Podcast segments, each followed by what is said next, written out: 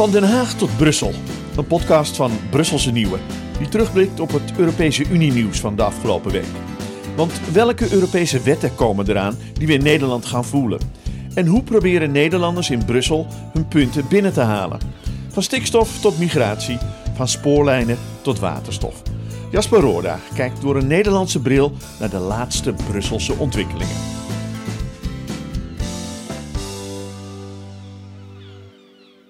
Den Haag of Brussel.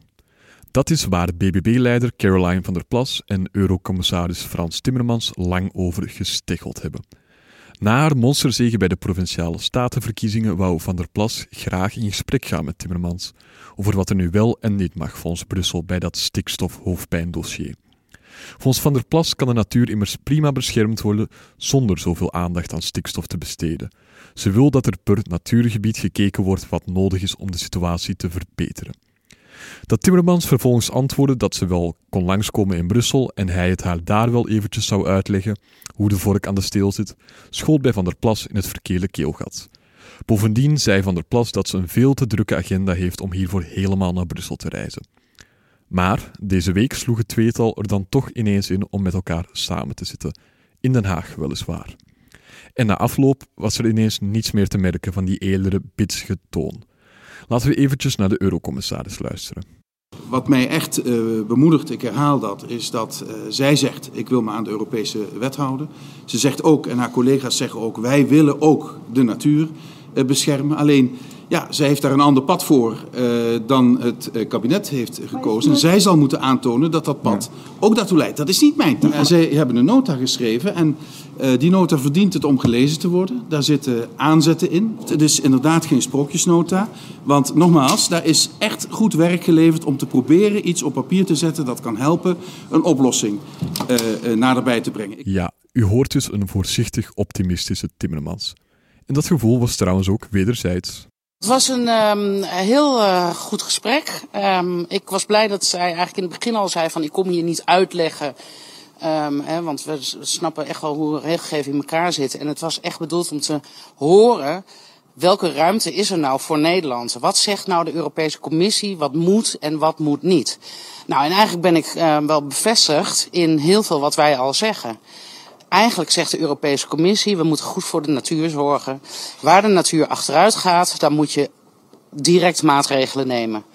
Welke maatregelen dat zijn, dat is aan de lidstaten zelf.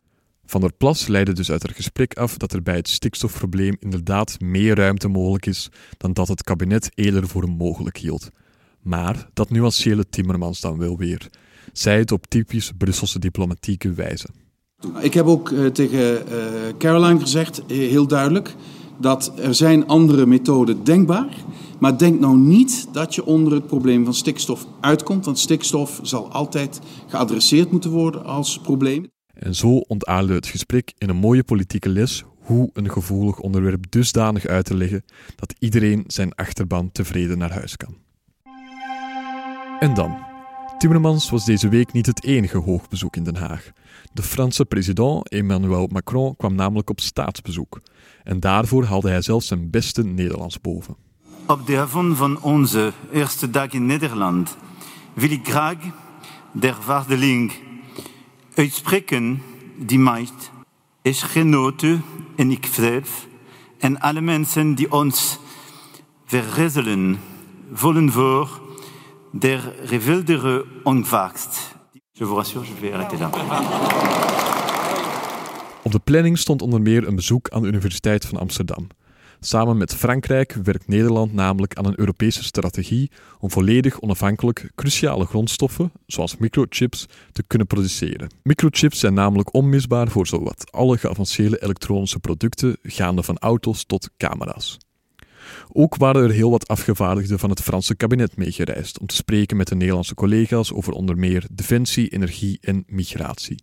Premier Rutte sprak dan weer één op één met president Macron tijdens een intiem boottochtje door de Amsterdamse grachten.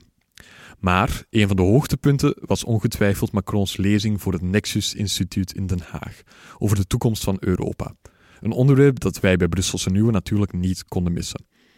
Des te meer omdat Macron in het begin van deze week nog veel kritiek kreeg van andere Europese leiders door zijn uitspraak dat Europa zich niet mag laten meezuigen in het conflict tussen China en de VS over Taiwan.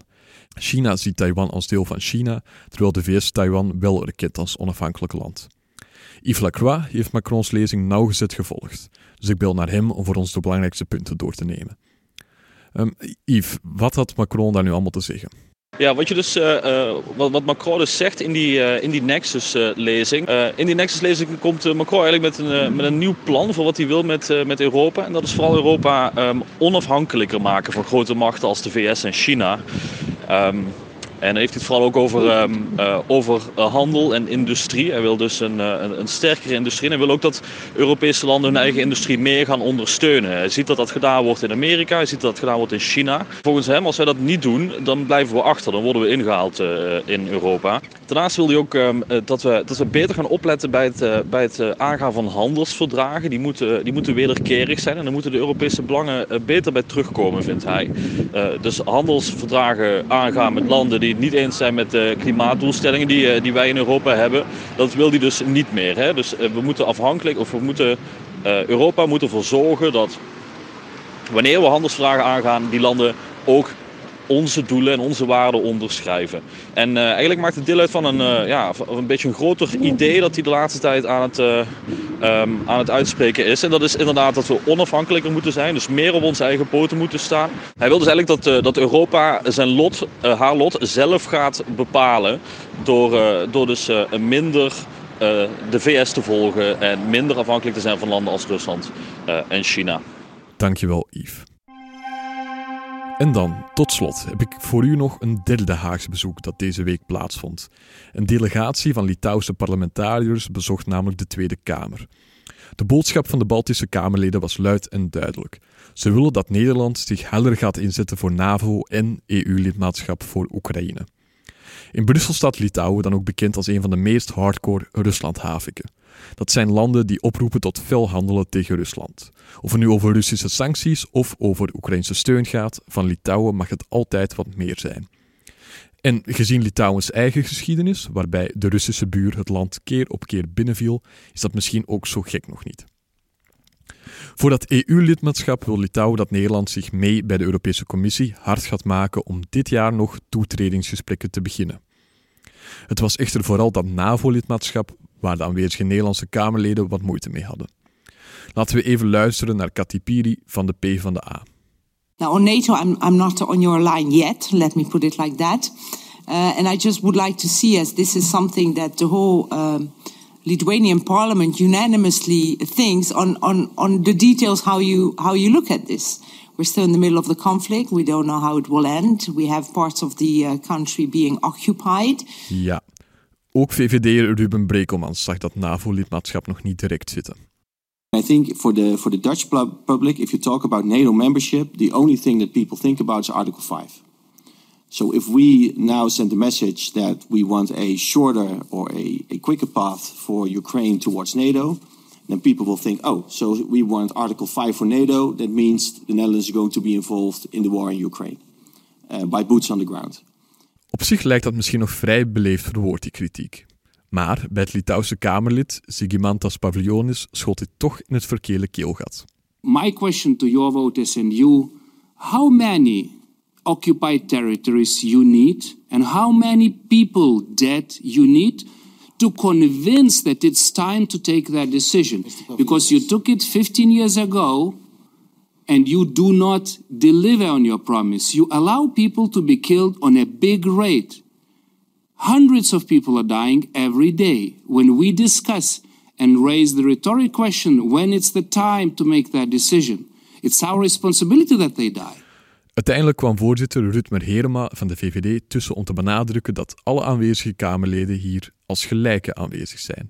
Nadat de Litouwse delegatie haar excuses aanbood en benadrukte dat ze nu eenmaal emotioneel worden van het gevaar dat voor hen zo dichtbij komt, keerde de rust echter al gauw weer terug in de Tweede Kamer. En daarmee komen we ook weer ineens aan aan het einde van deze zesde aflevering van de podcast Van Den Haag tot Brussel. In Brussel belooft het dit weekend zomers weer te worden, dus ik hoop dat u hetzelfde lot te wachten staat van waar u deze podcast ook mogen beluisteren. Fijn weekend en tot de volgende keer.